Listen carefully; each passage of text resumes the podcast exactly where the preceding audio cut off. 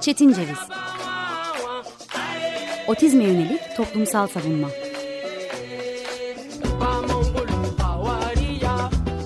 Hazırlayan ve sunan Deniz Yazgan.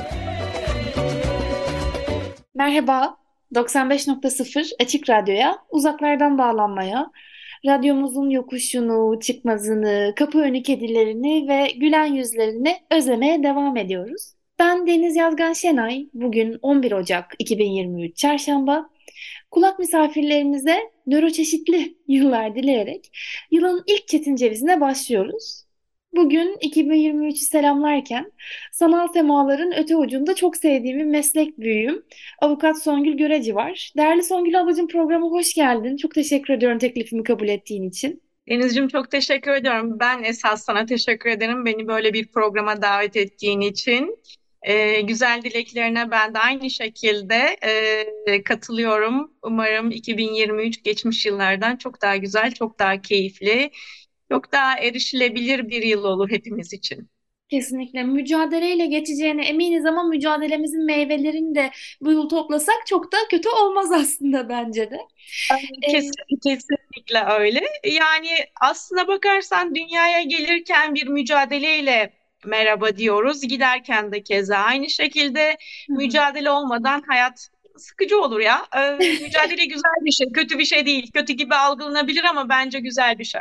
Belki programın e, ana temasını programın ilk dakikasında bile vermiş olabiliriz. Çünkü değerli e, avukat, e, değerli ablam Songül Göreci uzun yıllardır engelli hakları aktivizminde bulunan ve İstanbul Barosu Engelli Hakları Merkezi'nin de iki dönemdir üst üste yürütme kurulu üyeliğini üstlenen e, erişilebilirlik alt komisyonundaki çalışmalarıyla kamu kurumlarının e, başta olmak üzere aslında dünyanın, Türkiye'nin, İstanbul'un erişilebilirliğine ilişkin e, çok emek vermiş bir meslektaşımız ama ben her zaman olduğu gibi bu programda değerli meslek büyüklerimi ve meslektaşlarımı ve arkadaşlarımı ağırlarken yaptığım hataya düşmemek için e, tarafsız olamayacağım kadar sevdiğim insanların kendilerini tanıtmalarını istiyorum. E, kulak misafirlerimize kendini tanıtmak ister misin? Tabii ki Deniz'ciğim. Teşekkür ediyorum güzel sözlerin için. Ee, ben Songül Göreci, e, avukatım. E, İstanbul Üniversitesi Karadenizliyim. Önce onu söyleyeyim. Giresun Göreleliyim. Ee, ilkokulu Görele'de okudum. Sonra e, liseyi e, bizim dönemimizde Anadolu Liseleri böyle sınavla kazanılırdı ve her yerde yoktu şimdiki gibi. E, Trabzon Anadolu Lisesi'nde lise eğitimimi aldım. Sonra e, hayalimdeki mesleğe ulaşabilmek için İstanbul Hukuk Fakültesi'ne girdim. E, İstanbul Hukuk mezunuyum e, serbest özel hukuk bürolarında avukatlık yaparken 2005 yılında e, geçirdiğim trajikomik bir kazayla ben öyle nitelendiriyorum. Çünkü e, şeydir adli tatilde e, memlekete gitmiştim. E, fındık bahçesinde böyle sulu bir armut ağacından armut toplarken e, Nasrettin Hoca'nın tersine bastığım dal değil de tuttuğum dal koptu ve düştüm. Ve ondan sonra omurilik yaralanması sonucu engelli oldum. Tekerlekli sandalye ile hayatıma devam ediyorum. Yani e, ama e, kaldığım yerden bir süre ara verdim. Sonrasında yine devam ediyorum. E, yaklaşık 10 küsur senedir, 12 senedir de bir kamu kurumunda çalışıyorum. Bir devlet üniversitesinde çalışıyorum.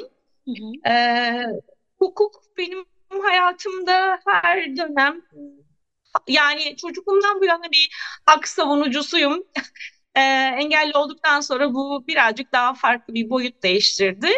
Ama bu şekilde devam ediyorum. Ee, senin söylediğin gibi evet iki dönemdir yürütme kurulundayım ama ben engelli olduktan sonra yaklaşık 2012 yılından bu yana e, İstanbul Barosu Engelli Hakları Merkezi'nde aktif olarak çalışıyorum. Kimi dönem başkan yardımcılığı yaptım, kimi dönem genel sekreterlik yaptım. Hı hı. E, iki dönem öncesinde de şeydi, yine üye olarak devam ettim. Arkadaşlarla bir şeyler yapmaya çalışıyoruz elimizden geldiğince.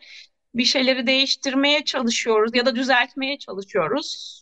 Kimisinde başarılı olduk, kimisinde olamadık ama e, mücadeleye devam. Sohbetimizin başında söylediğin gibi.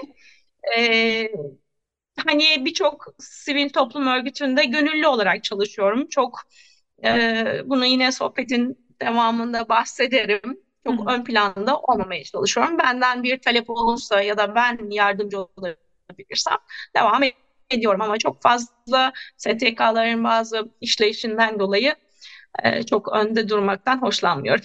E, buna çok benzer e, cümleleri değerli çalışma arkadaşımız Avukat Mustafa Keskin de bir ay önceki programda dile getirmişti. Belki e, programın devamında veya bir başka e, konuk olduğum programda da Türkiye'de engelli odaklı sivil toplum algısından da söz edebiliriz elbette. Ama güzel olur Denizciğim. E, kesinlikle ben de katılıyorum. E, ama senin çok güzel bir e, coğrafyada büyüdüğünü ve orayı da çok sevdiğini ve her nefes anında geri döndüğünü Görele'ye, Giresun'a, Karadeniz'e ve aslına bakarsak e, güzel olan, yeşil olan her şey olan aşkını biliyorum. E, ve bununla beraber orada büyümek e, meselesini çok merak ediyorum. Şehirde büyümek zorunda kalmış çocuklar olarak bizler e, şehirden daha farklı güzellikleri çok geç tattık ve e, şehir dışındaki yani metropolleşmiş şehir dışındaki engellilik algısında e, hep anlatına geldiği veya e, yazılı tarih bağlamında okuyabildik. Yazılı araştırmalar bağlamında öğrenebildik. E, ben hı. engellilik kavramıyla nasıl tanıştığımı da çok merak ediyorum açıkçası. E, Deniz'cim şöyle söyleyeyim, engellilik kavramıyla e, başıma gelen demin de söylediğim gibi o trajikomik kazayla birlikte hmm, yüz yüze geldim diyeyim, böyle sert bir gerçekle. E, ama benim biraz yapı gereği herhalde e, çok böyle hani travmalar, büyük hayattan kopma gibi bir şey söz konusu olmadı benim için. Ben e, e, çünkü gerçekten çok büyük bir, hayatında çok önemli bir değişiklik. E, günde e, kazadan önce e, malum İstanbul'daki adliye binaları her ilçede bir adliye vardı. E, hatta rekorum bir günde altı adliyeyi dolaşmaktı. e, ama ben tekerlekli sandalyeyle de yine adliyelere e, gittim geldim. Hala da gidip geliyorum. Şimdi biraz daha hani biraz yaş ilerleyince meslekte biraz kıdem kazanınca pek adliyede değil de daha ofis içinde çalışıyoruz. Hı hı. E, bu bana çok engel olmadı. Bütün fiziksel engellere rağmen. Çünkü benim engelim fiziksel bir engel. E, dolayısıyla bu taşrada da, büyük şehirde de e, ciddi sıkıntılara sebep oluyor. Yani en basit normal sağlıklı bir birey yani fiziksel ve ruhsal olarak sağlıklı bir birey sokağa çıktığında hiç fark etmediği adım atarken fark etmediği engeller benim önümde hani karıncanın e, böyle yüksek şöyle tepeden böyle yukarı baktı aşağıdan yukarı baktığı zaman hani bizim serçe parmağımız kadar gözüken bir yer e, çok büyük bir engel olabiliyor. E, bir kaldırımda yürürken işte çıkıyorsunuz kaldırıma 100-200 e, metre gittikten sonra çıktığınız kaldırımın inişinin olmadığını görmek evet, gerçekten insanı moralini bozabiliyor. Ee, ama herhalde o Karadeniz'in e, coğrafi yapısı gereği e, hani sarp dağlar, yeşillikler e, çok düzlük değildir diğer bölgeler gibi. E, doğa e, hava şartları vesaire falan insanın yapısına galiba yansıyor. Hı hı. E, o yüzden o mücadelede Karadeniz kadını da oldukça mücadelecidir. E, e, kendisi tuttuğunu koparır, hakkını arar. Hı hı. O benim yapımda var. O yüzden e, bu karşıma çıkan fiziksel, özellikle fiziksel engeller, hani ben onun psikolojik engelleri bir kenara bırakıyorum, o ayrı bir değerlendirme konusu. Ama fiziksel engeller evet e, sıkıntı yarattı, yaratmaya da devam ediyor ama e, ben inadına e, ben de varım diyorum, sokağa çıkıyorum her yerde. Evet memlekete gidiyorum. Hatta şöyle ilk kaza geçirdikten sonra uzun bir rehabilitasyon süreci oldu. E, sonrasında hani e, şehir merkezinde evimiz var, köyde de evimiz var, yüksek bir yerde. Böyle meşhur Sistan'dan bakıyoruz, manzaramız muhteşem. E, orada hani eş, dost, akrabalar işte geldiği zaman hani ben evde işte çorum kendi ihtiyaçlarımı tek başıma gideriyorum, işte yemek yapıyorum, çayımı kahvemi yapıyorum. İlk tepkiler, aa işte yanarsın, işte şu dökülür, nasıl yapıyorsun falan böyle. Hani böyle çok acayip hmm, çok büyük, çok önemli bir şey yapıyormuşum gibi tepkiler veriyordu. Bende hmm. ne var ki yani benim ellerim tutuyor. Ee, sadece yürüyemiyorum. Teker sandalyedeyim, bunu da çevirebiliyorum ve her şeyi kendi başıma yapabiliyorum dediğimde zamanla hani insanlar beni hayatın içinde e, gördükçe alıştılar. Hala tabii böyle hani çok görmeyen biraz böyle tuhaf e, tuhaf demeyeyim de çok büyük bir şey yapıyormuşum gibi e, algılıyorlar ama hayatın içinde olduğum zaman şimdi mesela ben bulduğum her fırsatta gidiyorum memlekete. Yalnız başıma yolculuk yapıyorum. E, bırak taşrayı Deniz'cim e, İstanbul gibi metropol bir şehirde havaalanına gittiğimde Aa, yalnız mısınız yanınızda refakatçi yok mu diye hala bu sorularla karşı karşıya kalıyorum. Ben de böyle inadına hayır yalnız dolaşıyorum diyorum. Ve burada e, avukat kimliğimin ya da bir hani avukatlık mesleğinin insanları temsil etme e, durumu söz konusu ya. Dolayısıyla ben burada kendimi temsil ederek mesleğimi söylediğim zaman insanlar biraz daha farklı yaklaşıyorlar. Algı değişiyor. Evet. Ve dediğim gibi benim gibi kişiler tek başına seyahat ederken veyahut da bir ortama tek başına gittiklerinde gitmeliler çünkü değiştiriyoruz o algıyı. Taşra'da da büyük şehirde de. Yani Taşra'daki algı çok farklı e, yapabiliyor musun? Çünkü insanlar oralarda hani fiziksel şartlar çok uygun olmadığı için tabii yeni yapılaşmalarda artık binalar asansörlü, yollar biraz daha farklı, daha erişilebilir oluyor. O zaman şey oluyor, insanlar gördükçe artık kafalarını çevirip sana dönüp bakmıyorlar. Normalleşiyor her şey. Ben artık ilk başlarda e, o bakışlardan evet ben de rahatsız oluyordum. Ama artık olmuyorum umurumda değil. Çünkü ben hani memleketimde de adliyeye gidiyorum. İnsanlar alıştılar. E, tekerlekli sandalyede bir avukat cübbeli.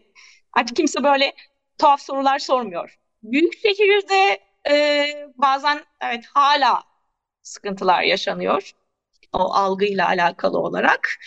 Ama e, bunu ne kadar hayatın içinde yer alırsak, sosyal olarak, iş hayatı olarak yer alırsak e, bir şeyleri değiştirmeye vesile oluyoruz Denizciğim.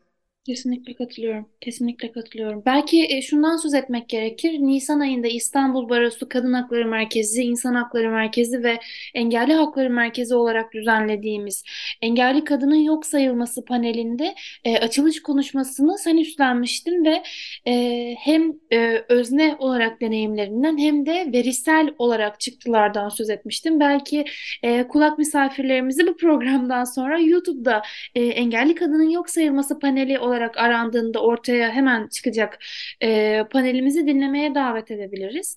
E, Derli Songül abla orada da e, hem deneyimlerinden hem de e, Türkiye'deki erişilebilirlik sorunlarından orada da bahsetmişti. Burada e, programın da e, kısıtıyla belki e, tadını e, ağzınızda kalırsa oraya da e, dinlemenizi tavsiye ederim. Çünkü e, evet ben e, tanışıklığımız boyunca Türkiye'deki mücadeleni, Türkiye'de engelli haklarına ilişkin değişime neden olmak adına, değişimi sağlamak adına yaptığın e, çalışmaları biliyorum ama e, biraz da şeye dönmek istiyorum. Evet ben engelli hakları aktivistiyim dediğin o ana dönmek istiyorum. Çünkü hı hı. E, bir hukukçu olarak özne bir hukukçu olarak e, çok başka hikayeler dinledik çok yakınlarımızdan. Hüseyin'den, Mustafa'dan, Zeynep'ten, Çağrı'dan. Bugün o yüzden seni de e, dinlemenin gerekli olduğunu düşünüyorum. E, evet artık benim engelli hakları aktivisti olarak tanımlıyorum e, kendimi. Ben böyle tanımlıyorum dediğin an hangi anda? Bu bir e, taşma anı mıydı yoksa bir birikimden sonra mı e, bir gün evet ben buyum dedin? Şöyle Deniz'cim Şimdi e, kazadan sonra e, bir süre ben e, hani hastanedeki süreç geçtikten sonra e, home office çalışmaya başladım. Biraz da şeydim tabii çok aktif bir insanım dışarıda vesaire falan. Hani bir görüntüm değişti çünkü artık ayakta değil oturuyorum.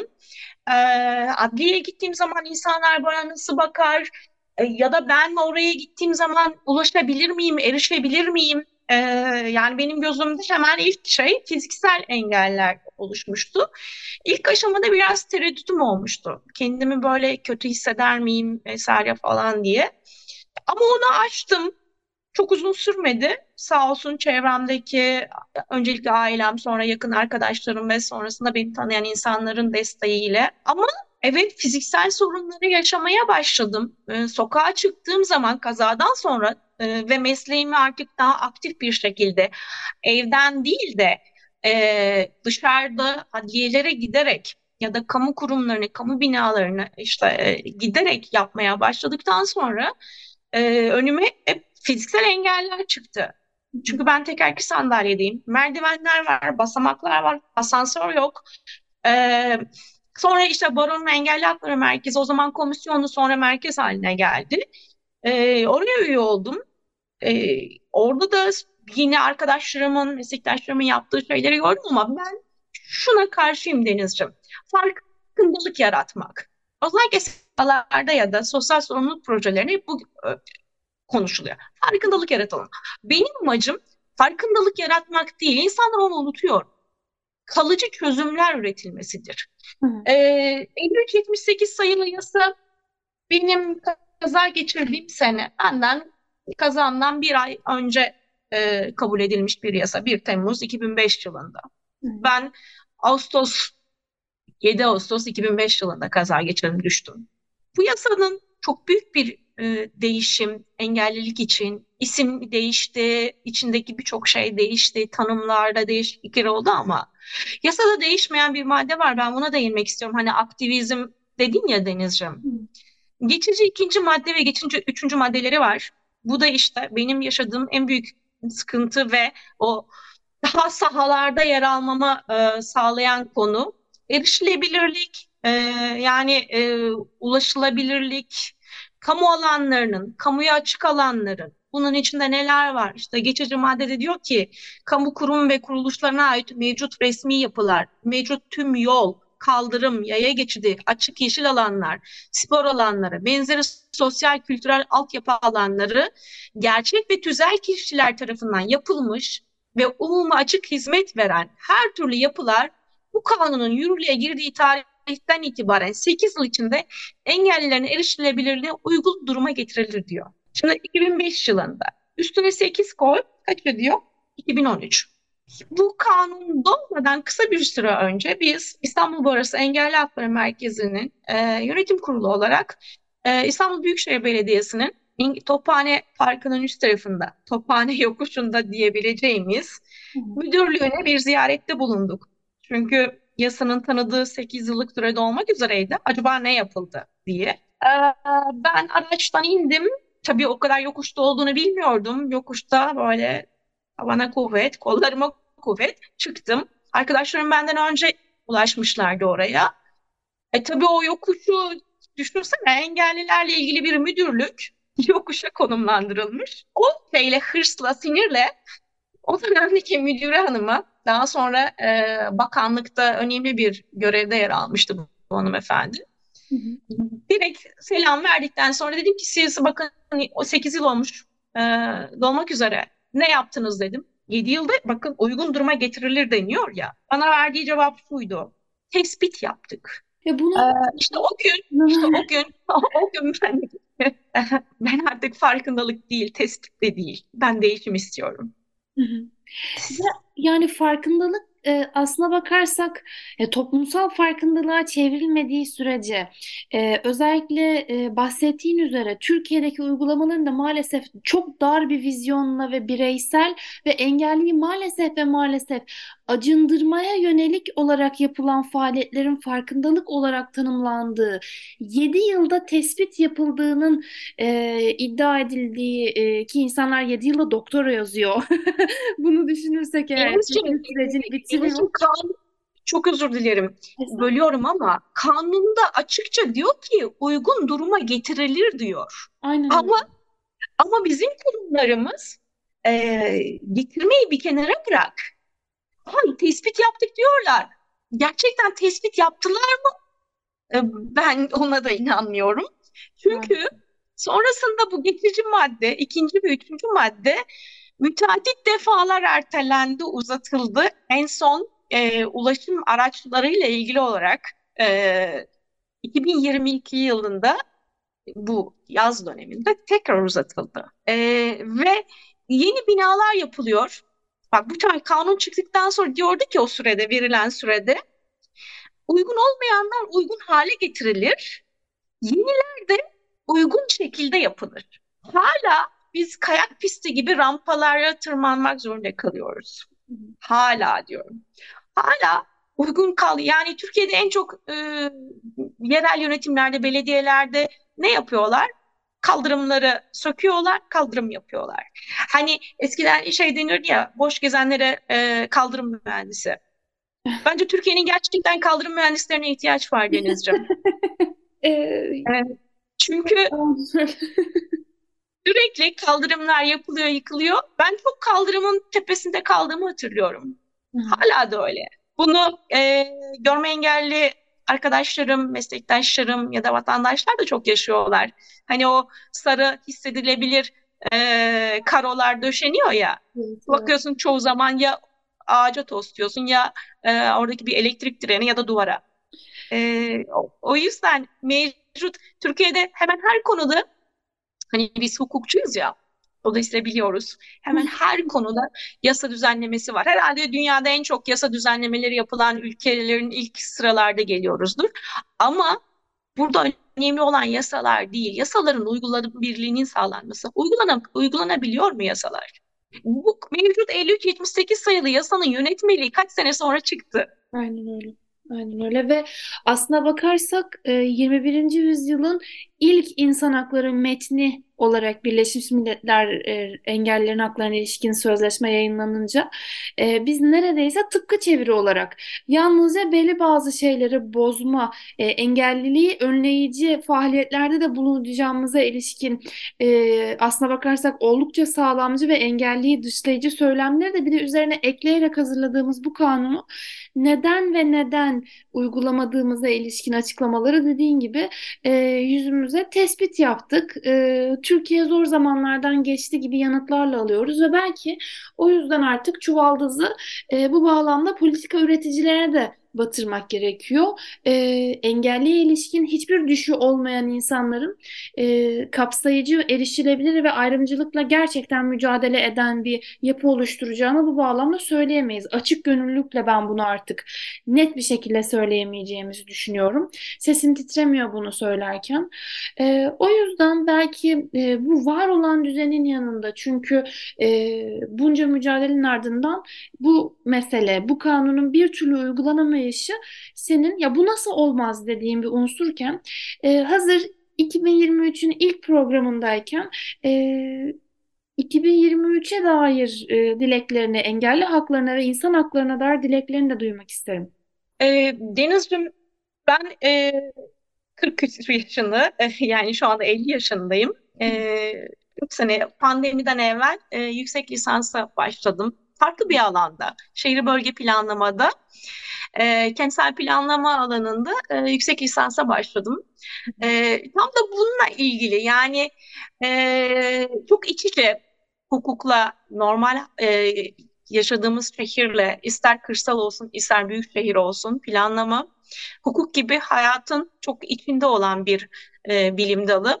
Hmm. Ve burada aldığım derslerde özellikle e, işime yarayacak dersleri seçtim. E, erişilebilirlik özellikle e, seçtiğim çalışmalardan birisi oldu. Ve bu konuda e, şu anda tezimi de bu konuda yapmaya çalışıyorum.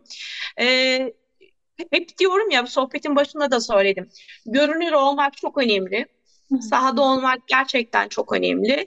Çünkü e, farklı bir disiplin olduğu için bir yıl hazırlık e, dersi almıştım ben. Orada ee, yine e, erişimle ilgili e, bir e, seçmeli ders vardı.